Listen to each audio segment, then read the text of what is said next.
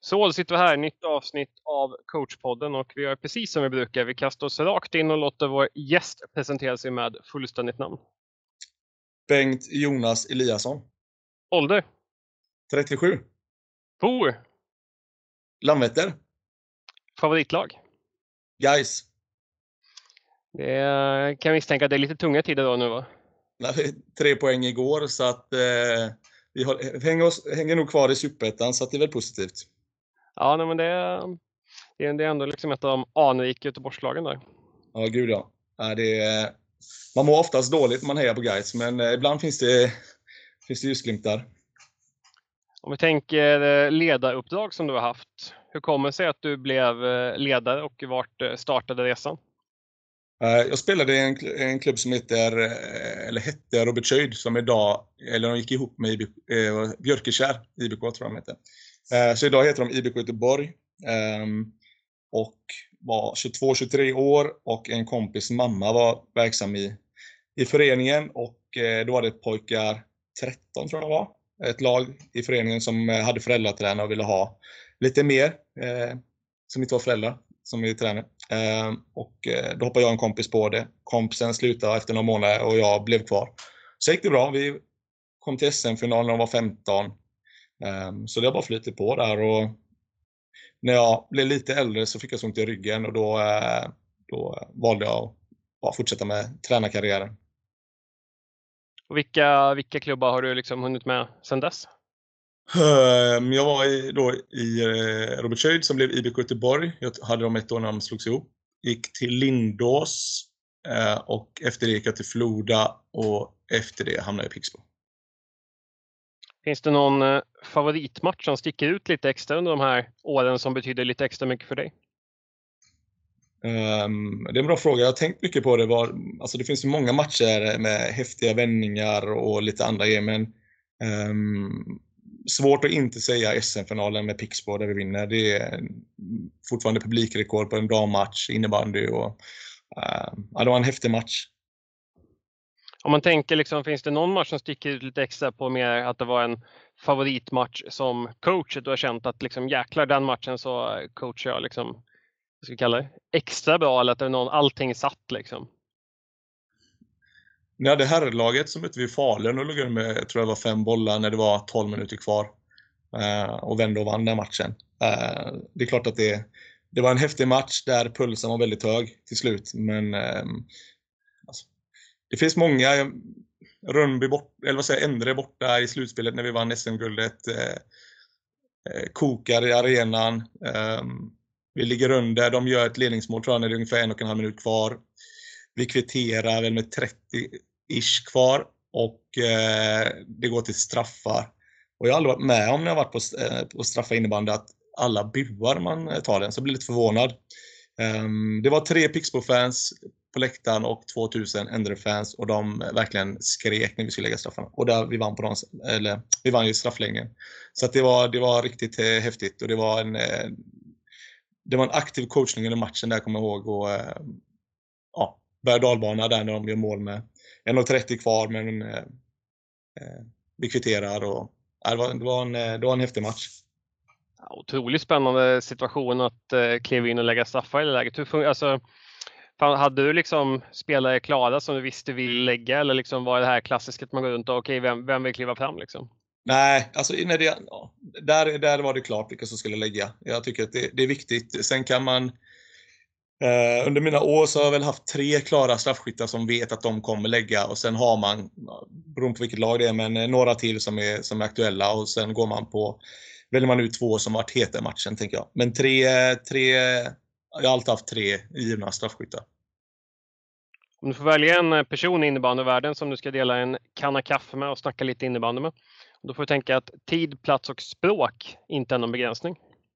Ja, men, bra fråga, svår fråga men eh, det, Hanes kanske hade varit det roligaste eh, med tanke på våran historik och att vi ändå eh, jag gillar Hanes på det sättet att han är, han är ödmjuk och när det är match så är det match. Och det är väl lite, jag hoppas, vara, vara själv. Eh, men hade, jag hade nog valt eh, en eh, nära vän istället, Jonas Gustafsson som tränar Varberg. För att vi kan sitta och snacka innebandy hur länge som helst. Och då, vi ses för sällan i coronatider också. Så att en timme eller vad det nu var och dela en, eller, dela en, en termos med kaffe, det var trevligt.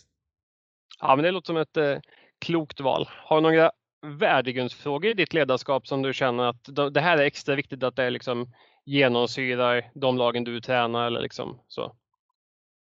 Mm. Um, jag är mycket för rättvisa. Um, jag har även lärt mig att det är väldigt svårt att vara rättvis uh, i alla lägen. Um, men jag tror att är man så rättvis det bara går så, så uh, tror jag att alla köper det sen eh, respekt. Jag, det värsta jag vet, och det är något som verkligen gör mig förbannad, det finns två grejer.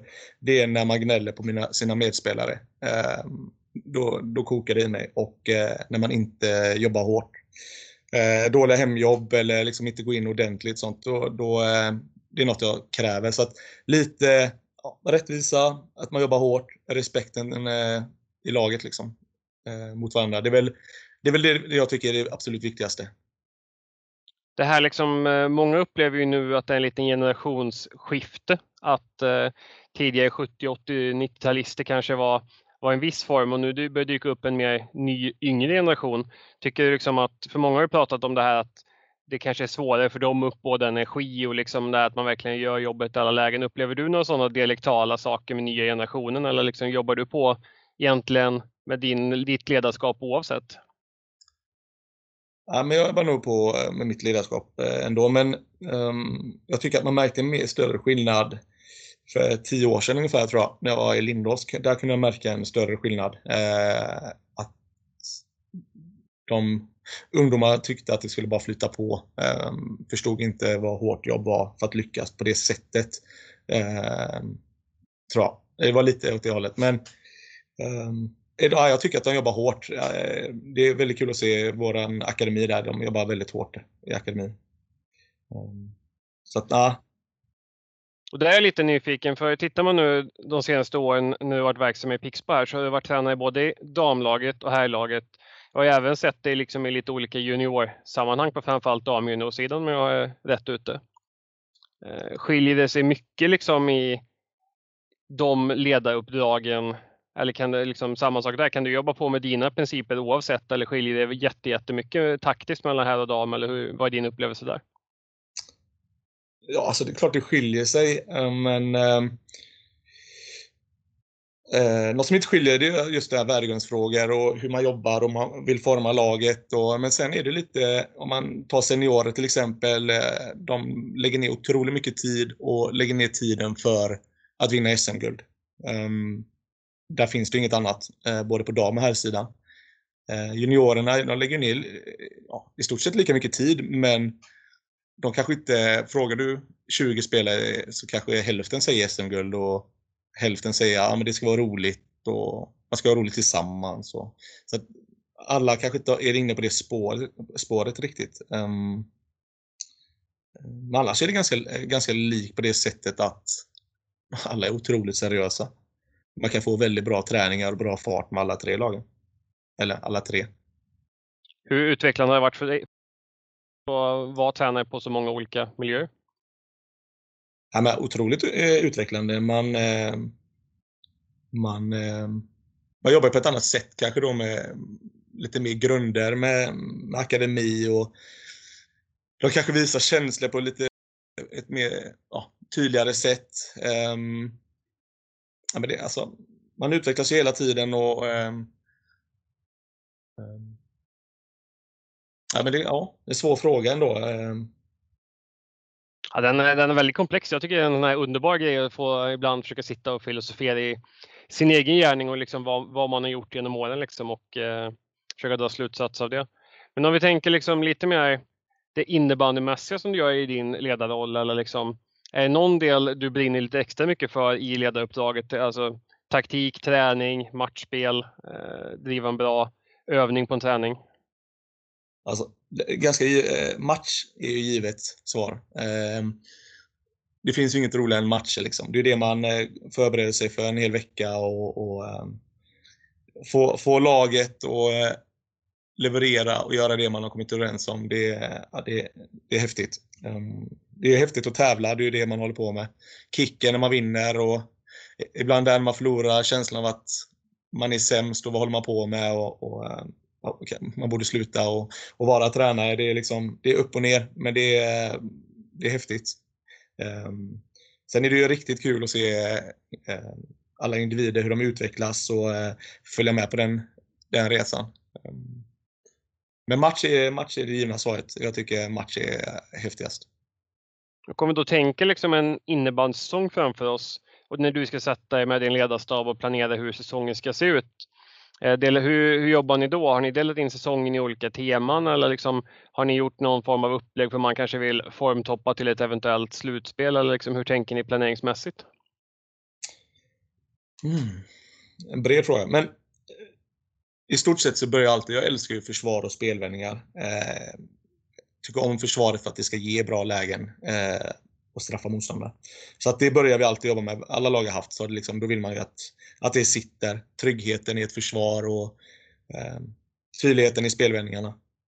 Sen så går man ju automatiskt över till anfallsspelet efter det och jobbar med delar i anfallsspelet som är viktiga. Men jag tycker ju någonstans, alltså man jobbar med båda delarna hela tiden. Eh, det blir ju, men mer fokus blir det på försvar från början. Eh, sen tycker jag att det är viktigt att man under säsong, det är svårt, jag har lärt mig att man kan ha en, en, eh, en grundplan men den hinner ju ändras hundra gånger. Eh, det händer så mycket under säsong. Ehm, så att jag, jag gillar att anpassa träningen efter det man behöver träna på helt enkelt. Men eh, grunden är ju alltid att man börjar med att vill sätta försvaret. Sen får man ju gå tillbaka till det för det blir lätt att man börjar liksom eh, eh, att vissa saker faller, faller bort och man vill hitta stämmet igen. Och, Ehm, men där i alla fall så det, det är väl en eh, grund i säsongsplaneringen liksom att börja med det. Sen så jag menar nu har vi planer på antagligen blivit av med Champions Cup och då blir det lite annorlunda. Då, eh, då bör vi vara som bäst i, i eh, januari också. Liksom. Så att, väldigt svår säsong det här med planering kan jag tycka. Ja, det, det, det ska gudarna veta att det har varit ett eh, kämpigt år med alla logistiska frågor. Eh, men en grej jag tycker är intressant är det här. Pratar ni liksom tidigt eh, liksom utifrån planeringsstadiet att det kommer ett slutspel som ni vill formtoppa i? Att kan, man liksom, kan det gå händelserna i förväg ibland? Nej, kan, nej, men det blir ju... Nu, man har en lång säsong. Det är alltid... Jag, jag, jag förstår inte tränare säger liksom att ja, men det är utveckling och man, man testar saker. Alltså, är man på elitnivå eh, vilken sport det än är, så handlar det om att vinna matcher. Eh, och sen eh, handlar det också om att få fram och, och, se så mycket som möjligt av laget under tiden såklart. Men när, när man går in i ett slutspel så har man ju lärt sig att det är en helt annan sport. Um, och det har varit med så många år så att där handlar det om att hitta, man testar under säsong, man hittar det som funkar och när väl slutspel börjar, då, eh, då är alla förberedda. Då vet alla vilka man spelar med och Eh, Eh, hur, hur ställer vi upp mot de här i taktiken? Matchar vi på något visst sätt? För jag, jag tror att man kan göra det lite pö om pö under säsong eh, så att tjejerna blir bekväma lite smått hela tiden med olika sätt att coacha på. Så när det blir slutspel så blir de, så är de förberedda. Liksom. Om man då, nu pratade vi först planeringen, men om man tänker liksom när man planerar den enskilda träningen eller träningsveckan hur mycket kan du väga in vad som hände i senaste matchen och vilken ni kommer möta den kommande matchen? I början på veckan så eh, jobbar vi på saker som kanske inte var helt hundra eh, matchen innan. Sen eh, blir det att man släpper det och eh, blickar framåt mot nästkommande match och eh, jobbar med hur de spelar sitt grundspel, försvar, anfall, special teams, gå igenom lite sådana grejer. Men det, jag tycker det viktigaste är att man eh, lägger väldigt mycket fokus på sitt egna spel och få det att sitta. Um, så att det inte blir 80 procent, För kommer man upp i 80 procent i sitt egna spel, i sina egna grunder, då, då blir det svårt att vinna matcher. Tycker jag. Så att eh, man går igenom motståndarna, eh, deras grunder och sen mer fokus på egna prestationer och vad vi kan bli bättre på. Om du skulle uppleva till exempel att ni gör för lite mål i matcherna du spelat, du känner liksom att laget har en hög kapacitet att göra fler mål än vad ni faktiskt gör. Är det någonting du skulle liksom, hur jobbar man med sånt under en träning? Uh, lustigt att du säger det, för jag tycker att vi har skapat otroligt mycket lägen och kanske inte fått in så mycket mål som jag tycker vi borde fått in. Samtidigt som jag tycker att man inte kan uh, jag, jag, tycker inte man ska göra så stor deal av det. För vi skapar väldigt mycket lägen utan att man, man kan poängtera och vi jobbar, det vi har gjort, jobbat nu är ju övningar som är så matchlika som möjligt, att man hamnar i, i, de, i så mycket avslutslägen som möjligt där vi gör på match. Och där tycker jag att vi, eh, där har vi lagt lite mer energi nu de sista veckorna. Jag tycker att man, man ser verkligen resultat. Um, för att stå, stå på vanliga avslutsövningar och eh, skrika träffa mål. Uh, alltså jag tror inte det hjälper. Det är, alla försöker träffa mål. Utan man behöver nog hamna i så matchlika situationer som möjligt och få träna på avsluten där. Liksom. Om man tänker rent kommunikativt, om du upplever liksom att det finns ett sånt problem att vi kanske gör för lite mål. Jag tyckte det är ganska intressant att du pratar om att man inte får göra för stor deal av det heller, men tänker risken är om man pratar om det för mycket, kan det vara att man skapar ett eget liksom hjärnspöke? Nej, inte mer personligen, men jag tror att spelarna, att det, det är onödigt att sätta sig i huvudet på dem. Att oj, nu missar vi igen, eller missar jag igen. Och, eh, den där positiva känslan att ja, men jag kommer sätta nästa. Och, eh, strunt samma om man missar ett öppet mål, liksom, eller vad det än är. Eh, nästa kommer. Um, och det är lite det jag menar, hårt jobb, då kommer det. Liksom. Fortsätt jobba hårt bara, det kommer.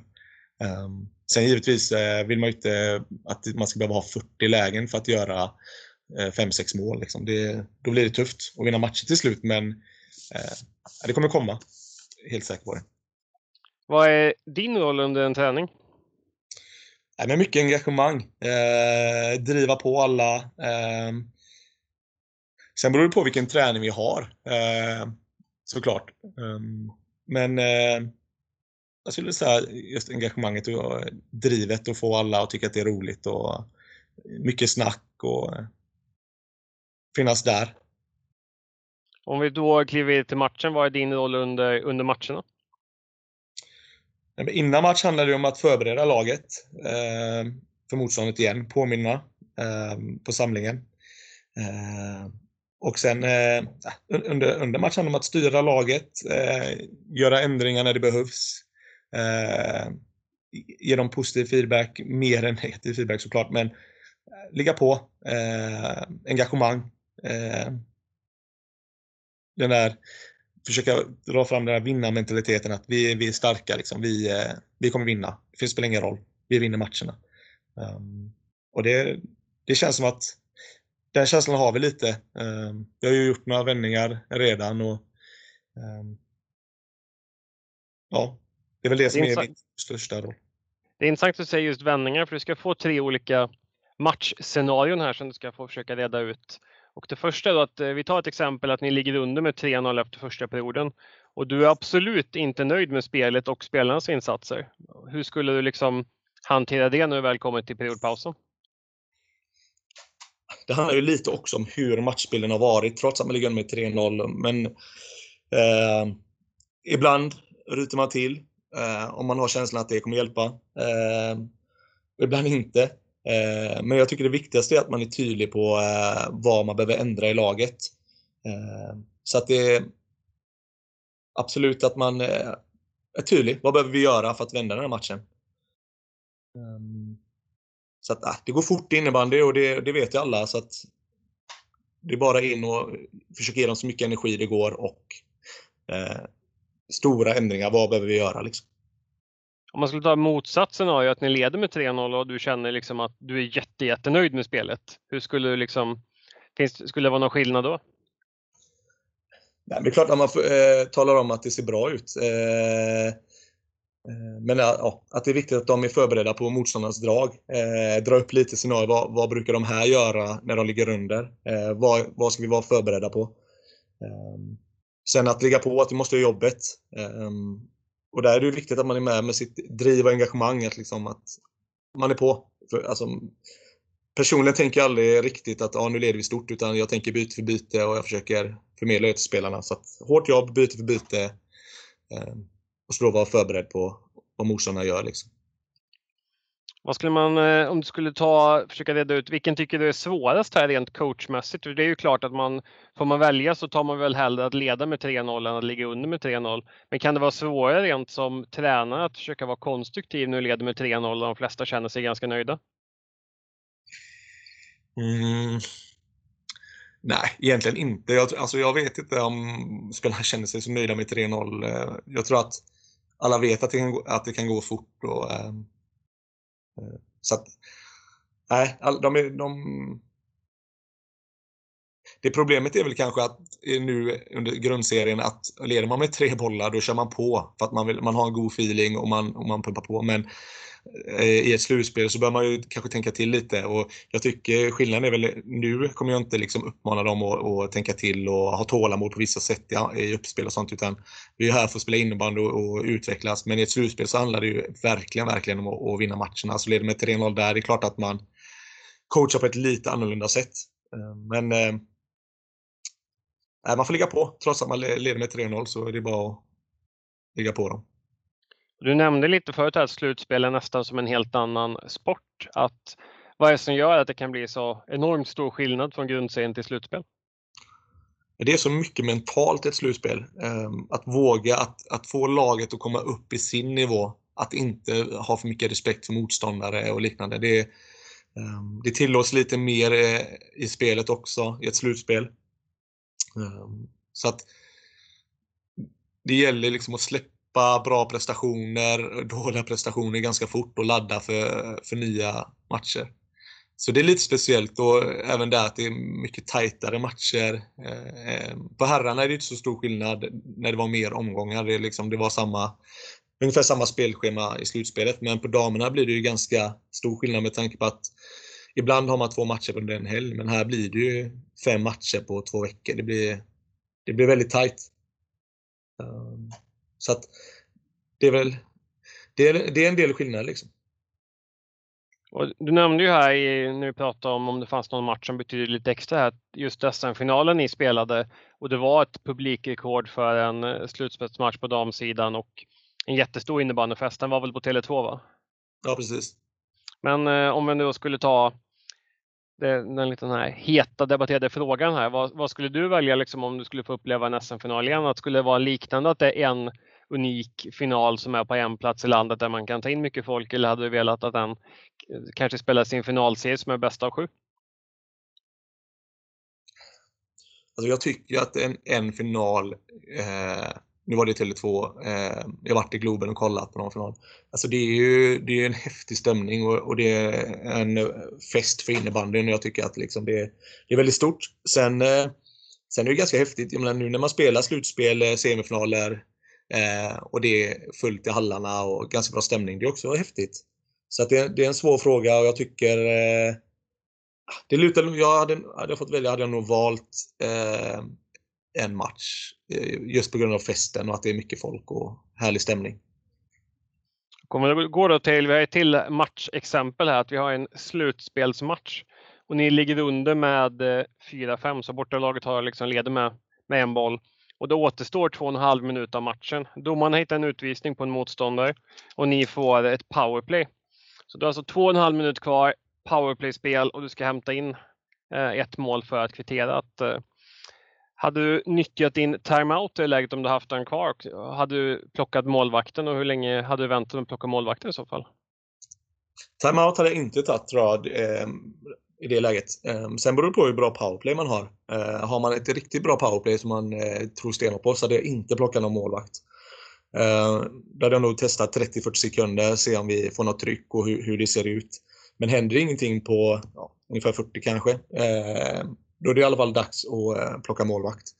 Eh, får man ha möjlighet med till time? Ja, mycket möjligt att timern kommer också där för att snacka upp, eh, snacka upp det sista. Eh, men och har man ett uruselt powerplay skulle jag säga, eh, då kanske man plockar på ännu mer tryck och chansar lite. Men så att, ja, det är en svår, svår fråga. Eh, det är så mycket, det är så mycket som säkerligen är magkänsla väl i stunden sen liksom och så. Eh. Absolut och eh, matchbild också. Man kanske har en jäkla press redan och sen får du då ett powerplay där du antagligen kommer skapa ännu mer press och eh, kalabalik hos motståndarna. Så att, då vill man ju testa det först än att riskera kanske direkt att få ett mål i, i baken. Um, så att, ja, jag har nog gett det en 30-40 sekunder först. Du nämnde här att du kanske inte ville ta timern direkt i samband med utvisningen? Är det liksom kopplat till att du kanske inte vill att motståndaren ska få chansen att prata ihop sig samt att ni kanske är så pass trygga med vad ni ska göra i PP? Båda delarna tror jag. Jag tror inte det spelar så stor roll om de pratar ihop sig. Jag, tror att i ett slutspel, eh, de vet vad de ska göra och vi vet vad vi ska göra. Eh, anledningen till att jag inte vill vänta med timern är mycket beroende på att jag vill se om de har gjort några ändringar. Det kan ju vara skador under matchen, det kan vara andra spelare de har inne. Eh, vad, vad, vad, kan vi hota? Alltså känslan av att se deras boxplay ett tag och se lite hur de ställer upp och eh, vad de vill göra. Eh, för det kan de ju ändra. Det kan man ju ändra boxplay efter boxplay. Så att, men just känslan för att få se lite och kunna eh, förbereda laget på att hota på ett annat sätt. Jag tänker när, när matcherna är slut sen, eh, oavsett om det är grundserie eller slutspel, att brukar ni ha någon samling med laget efter matchen? och om ni nu brukar ha det, vad brukar ni prata om då? Vi brukar ta ett kort snack eh, vid målet efter. Snackar vi grundserien så, eh, så tar vi vid målet. Sen vid slutspel så kan det vara lite annorlunda. Men det är ganska svårt tycker jag att prata efter en match med laget. Vinner man matchen så blir det lite kort beröm, eh, gå in på lite saker som var väldigt bra, men framförallt beröm till spelarna. Och vid förlust så blir det mest kortfattat. Vad är det som inte fungerade? Eh, men det, ja, det är inte mycket, vid en förlust så är det inte mycket som går in eh, direkt efter. Och eh, jag tror att det är bra att samla tankarna och gå igenom matchen igen och sen har man ett gemensamt snack. Men det är ganska, sen tycker jag att det är bra att man, att man tar ett kort snack tillsammans innan man skiljs åt. Men jag tror inte det är så mycket nytta att träffas i gruppen direkt efter och just eh, pratmässigt för att gå igenom matchen. Liksom.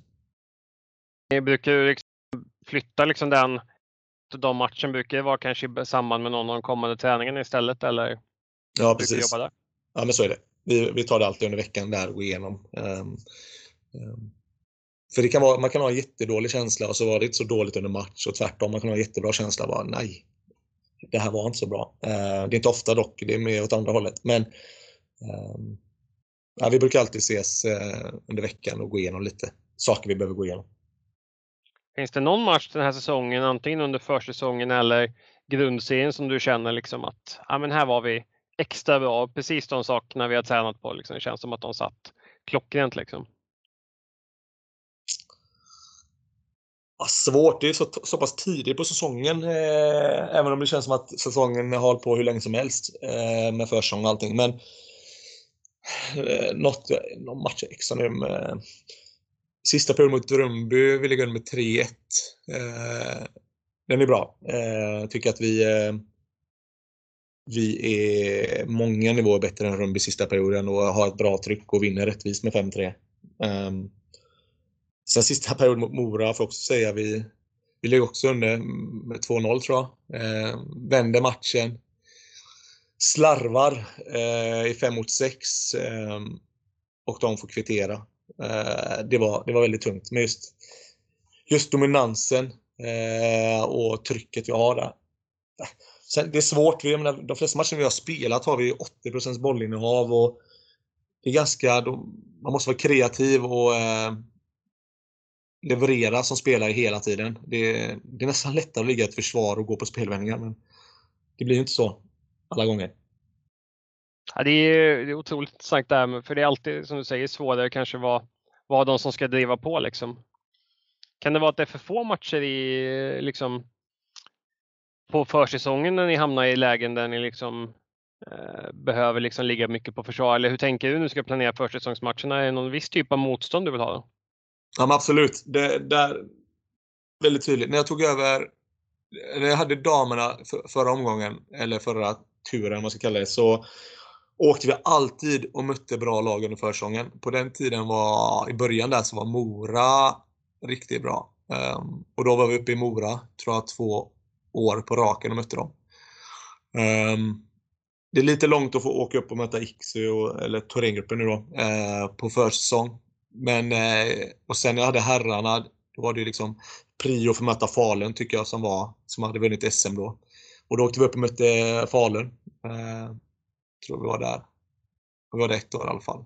Så man vill ju möta, man vill ju möta de bästa. Jag tycker möta de lite sämre, det räcker med någon match. Jag tycker att jag vill möta de bästa på försäsong. Tyvärr har det väl varit ett ännu större problem i år. Framförallt då Prag var, blev inte av. Eh, den är ju viktig för sammanhållning och och spela upp laget och få mycket matcher och spelarna får spela mycket och få visa upp sig. Eh, nu börjar vi med försäsong hemma, på hemmaplan med matcher och det, det, är inte, det är inte lätt under coronatiden att eh, åka iväg och spela massa matcher. Så att det har blivit lite mindre matcher än vanligt och eh, bara mot SSL-lag men kanske inte på pappret topplag. Eh, och det tycker jag är lite, nej, det, det är inte så jag vill ha det direkt. Du nämnde ju Prager som jag tycker är ganska intressant för det är väl sedan många år tillbaka ett fast inslag i Pixbos försäsong både med herren och damen att man åker till just checka upp en i Prag. Ja, men det är, det är en, en, bra turnering att åka på. Eh, på herrsidan är det ju väldigt, väldigt bra motståndare. Eh, det är de bästa från alla länder eh, av de stora länderna åker på. Så att eh, där, är, där är det riktigt bra. På damsidan så är det väl Eh, sportsligt lite mindre bra, men det är ändå en helt okej nivå och äh, en riktigt bra försäsongsturnering. Jag kan tänka mig också att det är ganska kul inslag om man har kört en, en lång försäsong med mycket fys och sen får komma in i hallen och dessutom kunna kunna, kunna ut och resa lite. Nu kanske man inte, nu har man inte kunnat det i år, liksom, men i, vad ska vi kalla det, tidigare säsonger, att det kan vara ett ganska välkommet inslag att få komma bort lite också. Ja, men det är, det är underbart att åka dit. Det är väldigt, väldigt varmt varje gång man är där. Um, um, innebandyn är stor på ett annat sätt. Jag tror att Pixbo är väldigt stora nere, eller de är det. Det känns um, lite fans. Uh, när man hade herrarna var det väl ännu mer tydligt uh, när folk stannade, stannade till och ville ta selfies med Östholm bland annat. Och sådär, så att det är lite större på något sätt där, eller Pixbo är lite större där. Uh, vilket är roligt när det blir på det sättet att spelarna får får synas eh, lite mer och få, få den uppskattningen de förtjänar. Men jag menar, åka dit, många, många bra lag, gött väder, fin stad. Ehm, ja, det är en kanonstart på säsongen att få åka dit. Helt klart. Du nämnde att Pixbo är ganska stora och ni har ju också haft en hel del, eller en hel del, det har åtminstone funnits några stycken då, tjeckiska spelare på både i, både som i herrlaget och damlaget. Och kring damlaget har, har ni väl även schweiziska och finska spelare. Hur har det funkat för dig som coach rent språkmässigt? Att behöver man jobba in engelska termer eller liksom, har de lärt sig svenska? Och, um, ehm. rolig fråga för att um, vi fick ju Liska, eller Liska kom ju till oss um, det var, det var, nu var det ett antal år sedan. Och eh, jag var ganska tydlig till Ilska för då hade vi bara svenska spelare i laget. Vi hade Laura på den tiden också, men eh, hon, hon pratar ju svenska. Och jag sa det att jag kommer prata svenska eh, och eh, David eller någon kollega kommer stå och översätta och är det så att du inte förstår så kommer jag ta det på engelska med dig sen. Men jag tror också det sättet gjorde för att eh, jag tycker jag imponeras av att spelare oftast lär, lär sig svenska väldigt fort. Eh, och jag tror att det blir bättre på det sättet också. Eh, att man pratar svenska och sen klart man får översätta en del grejer. Men, ehm, så att för mig har det blivit mycket svenska och eh, väldigt lite engelska. Men med äger grupp i alla fall. Ehm, sen har det varit mer engelska med spelarna. Nu är det lite annorlunda. Nu har vi mer, men de är, de är väldigt duktiga på att lära sig svenska. Så att det, nu det, i laget är det bara svenska som gäller. Trots att vi har många från olika länder. Kan man se liksom andra dialektala delar i spelet? Att just ja, men de tjeckiska spelarna är oftast bra på just det här och de finska brukar vara liksom väldigt duktiga på just de här delarna. Har du sett några sådana delar eller är det liksom varje spelare unik på sitt sätt? Ja, men de är väldigt unika på sitt sätt, absolut. Um, jag kan tycka i spelet, ja, men tjeckiskorna är ju väldigt, de, de kör, det är tufft och det, det är de går väl, verkligen all in. Det gör väl alla andra på det sättet också kanske, men de är, de är tuffa liksom. Ehm, tuffa med kropp och det märker man också när man möter tjeckiska lag. Att det är väldigt mycket, alltså det är väldigt fysiskt spel. Ehm, så det är, väl, det är väl den lilla skillnaden då. Men annars så tycker jag att de är unika på sitt sätt. Och, ehm, så att ja, Finns det någon match här en kommande säsongen som du ser lite extra mycket fram emot? Någon derbyrival eller liksom något lag du tycker är väldigt kul att möta? Alltså de bästa lagen är alltid roliga att möta. Eh, så, eh, vi hade ju en eh, match mot Thorengruppen borta där jag tycker att vi gör en ganska bra match. Eh, generellt och eh, ett tag ligger vi med 6-1. Och det är så det kan vara mot de bästa. Att det, man, behöver ha, man behöver sätta sina lägen, man behöver ha en, en bra dag också. Um, och det, så den matchen eh, på hemmaplan ser jag fram emot. Eh, nu är det inte X så länge, nu är det Thorengruppen, men det är ändå lite åt det hållet. Och för mig var ju X eh, förr i tiden, eh, det var ju absolut det, de roligaste matcherna. Liksom. Det, var, det var de man såg fram emot. Ja, det är, det är härligt att höra, för det är väl det man ser framför sig också, att det är just upp och tävla mot de bästa, det måste ju vara det roligaste som går att hitta på. Ja, gud, hade, hade alla matcher varit, varit som den så hade det varit eh, galet roligt eh, att hålla på med det här, men så är det ju inte. Eh, men eh, det är de man ser fram emot. Det är, det är roligt med de där tuffa matcherna. Det blir alltid en annan, annan känsla i kroppen och en annan stämning i omklädningsrummet. Och, eh, eh det, det, det är det alla ser fram emot. Vi ska kliva vidare till att du ska få svara på fem stycken snabba frågor vi vill ha ett spontant och impulsivt svar. Kul. Kommer första här då. Match eller träning?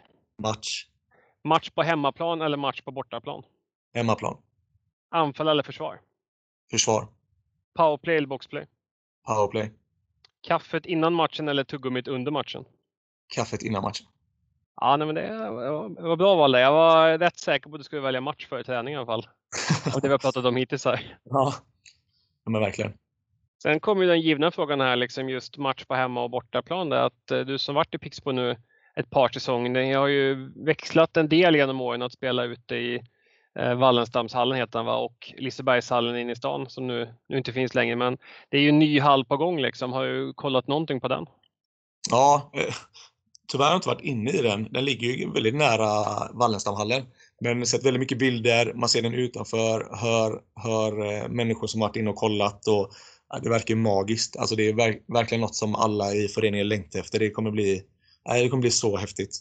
Uh, och det, har, det är väl lite det som har saknats. Wallenstam har ju blivit våran borg liksom och uh, vi känner oss hemma där. Lisebergshallen var, det var, var också häftigt i slutspelstiden när det var mycket folk. Uh, men nej, det ska bli häftigt för föreningen att få något eget, som känns eget. Och nu då blir det en arena, så det kommer, det kommer bli magiskt bra. Ja, det är ju kul för det, vi ser ju liksom fler och fler fina arrangemangshallar som kan bidra till att förhoppningsvis intresset kring sporten växer och liksom att vi får en ännu godare produkt med bättre förutsättningar. Verkligen. Och sen ska vi kliva vidare att du ska få sätta ihop din egen eh, drömuppställning med sex spelare, förslagsvis en målvakt och fem utespelare. Ja, det här, det, här är, det här är intressant och svårt med tanke på att man har tränat så många och eh, med målvakt. Eh, Hjorting, Jon är väl de som står högst upp. Jon är magiskt bra. Jag, jag har svårt att se att någon är bättre än Jon på här sidan. Men jag väljer ändå eh, Hjorting. Jag tycker eh, hon eh, vill ha en motivering på spelarna. Just Hjorting eh, känns ju som att hon, hon var så pass jäkla bra så det är nog ingen som kan ifrågasätta. Men det är alltid välkommet med en liten rolig motivering. Nej men just att eh, för mig, hon var alltid lika förberedd. Om det så var de som låg sist i serien eller de som låg först i serien. Eh, så hon var väldigt proffsig. Jobbade stenhårt. Sen också när hon släppte in mål så gick hon oftast, jag skulle nästan säga alltid, men för att vara, vara säker så hon gick oftast eh, längs med bänken efter och, och klappa och, och, peppa spelarna och det tycker jag är otroligt stort som en målvakt eh, att göra. Och då får man också med sig laget eh, ganska fort. Och vi fortsätter framåt här till, till utspelare. Eh, ja, med ena backen, eh, Ida Sundberg. Eh, världens bästa back. Eh, en brytningssäker, eh, en lagkapten som har ja, verkligen vuxit fram till en väldigt bra lagkapten. Eh, jag, tror att, jag tror att Ira skulle kunna Alltså hon är jätteduktig offensivt, men hon nämns ofta som världens bästa defensiva back. Men eh, jag har svårt att se många som är bättre än offensivt också. Hade hon velat så hade hon kunnat göra mycket mer mål, mycket mer poäng. Eh, hon är grym, hon är given där. Sen eh, andra, andra platsen är svår med tanke på alla duktiga eh, spelare man har tränat. De som jag har valt där, det är Anton Eriksson i Pixbo. Eh, han är en grym person, en, en eh, fantastisk lagspelare. Ehm, han ger alltid 100%. Eh, blir han bänkad, man får onda ögat. Eh, visst, det köper alla dagar i veckan, men då, sen ställer han sig, peppar laget, hjälper laget under match. Ut, alltså utvecklas mycket hela tiden. Han, äh, han imponerar. Så att Anton Eriksson är den andra backen. Mm, det är ett uh, gediget backpar får säga. ja, svårt att komma förbi det backparet. Kan man säga. Uh, center. Oh, väldigt, väldigt svårt. Menar, har man haft Östholm så, så tror jag att de flesta säger Östholm. Men jag och även Caroline Böcker eh, var en duktig, eh, var en spelare, det var en SM-guld som alltid matchades mot de bästa. Men jag tänker lite nytt här. Jag väljer Axina Pettersson där som center. Hon eh, är uppflyttad i SSL-laget i år. Eh, hade henne förra året. Eh, en av de absolut mest spännande spelarna jag har tränat. Eh, det ska bli otroligt häftigt och kul att se hur långt hon går. Eh, så att, det fanns många att välja mellan, men jag väljer Axina på center. Ja, otroligt spännande val. Ja, men... Ja, nej, men nej, det var svårt. Men eh, det är en häftig spelare. Eh, verkligen. Mm, forwards. Eh, då kan vi börja med Iliska eh, Krupnova som spelar i damlaget nu. Som är en otroligt professionell spelare. Eh, det är alla spelare, men otroligt, eh, väldigt eh, imponerande. Eh, hon blir bara bättre och bättre. Och ni hade en eh, förra omgången så spelade hon eh, längre ner i banan och eh, nu spelar hon högre upp i banan och har ett jäkla målsinne och stark, bra räckvidd. Nej, men hon, så att, det är den ena forwarden. Den andra som jag har valt är en spelare som spelade min förra session, Sara Helin, ehm, som var en världsspelare. Ehm, jag tycker att hon la av lite för tidigt. Hade hon fortsatt eh, när hon la av så helt säker på att hon hade varit nummer ett i världen. Eh, I alla fall kunna bli det inom kort där. Så att, och vara en notorisk målskytt, hårt jobbande. Eh, en fantastisk lagspelare. Eh, så att det har varit svårt att välja men eh, det fick bli dem. Två följdfrågor egentligen. Det ena var Helin där. Att mm. visst spelar hon ganska mycket på vänsterkanten eh, i Pixbo då? Nej, hon spelade på högen faktiskt. Hon, hon alltid höger? Hon spelade topp. Vi spelade 2-2-1 så hon var topp. Ja. Jag, får för mig, jag vill minnas när man skulle försöka i spelade ju, eller vi, man har ju alltid följt liksom Superligan. Att jag vill minnas att det var en sån spelare som gjorde ju mål från typ vilken position som helst i offensiv zon. Ja, men det har hon gjort. Jag vet inte om du tänker på Julia Larsson. Eh, Kanske gör det. Kaptenen, för hon var ju en sån typisk eh, kontring, eh, spelvändningsspelare som eh, kunde komma efter boll och ja, men då knackade jag. Och, alltså hon, hade, hon fick in bollar eh, på ingenting egentligen. Eh, Sara Lin var ju mer, eh, hon var vår topp som styrde. Eh, en sniper. En, väldigt, en riktig sniper.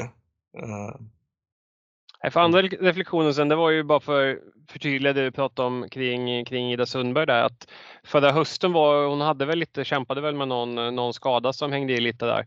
Men när hon väl spelade VM nere i Norrköping, jag har sagt någon tidigare avsnitt att det var helt otroligt hur bra hon var just i semifinal och finalen. Det var liksom snudd på att hon spelade på en egen nivå där nu. Ja, alltså jag såg ju, hade herrarna då, eh, och förra, ja, jag vet inte om det var herrarna hade då eller om det var akademin, men man såg ju hon, eh, hur hårt hon slet i hallen, eh, träning efter träning med sin rehab och hade mål, eh, siktet inne på, på VM. Men det var lite, det är lite roligt med Ida för att jag tycker ju från första stund när man började träna Ida att hon ah, var outstanding i det defensiva. Liksom det var, så jag, jag hade en rolig lite extra info. Men jag hade en härlig dialog med Lundmark om Ida. Eh, för att Ida var inte, kom inte med i landslaget så tidigt som jag tyckte. Men försökte trycka på det i alla fall. Och, eh, jag menar, Ida, som du säger, dominerar VM. Är det, jag menar, är det någon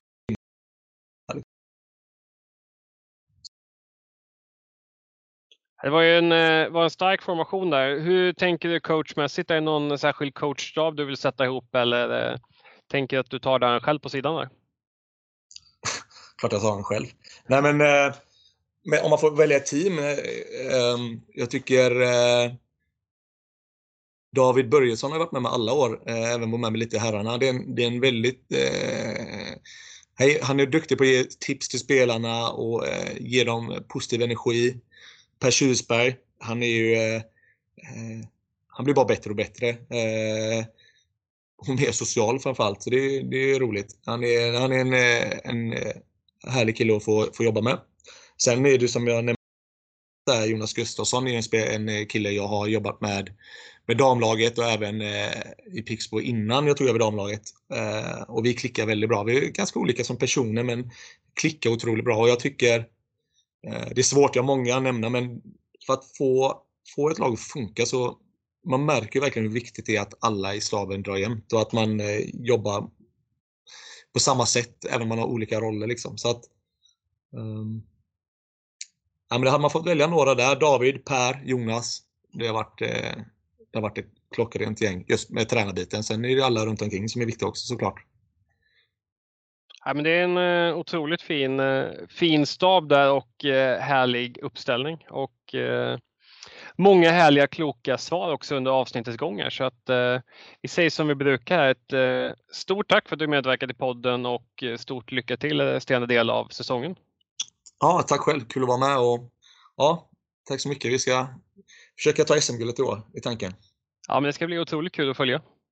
Ja, men ja, det kommer vara en eh, rolig säsong. Många tuffa matcher.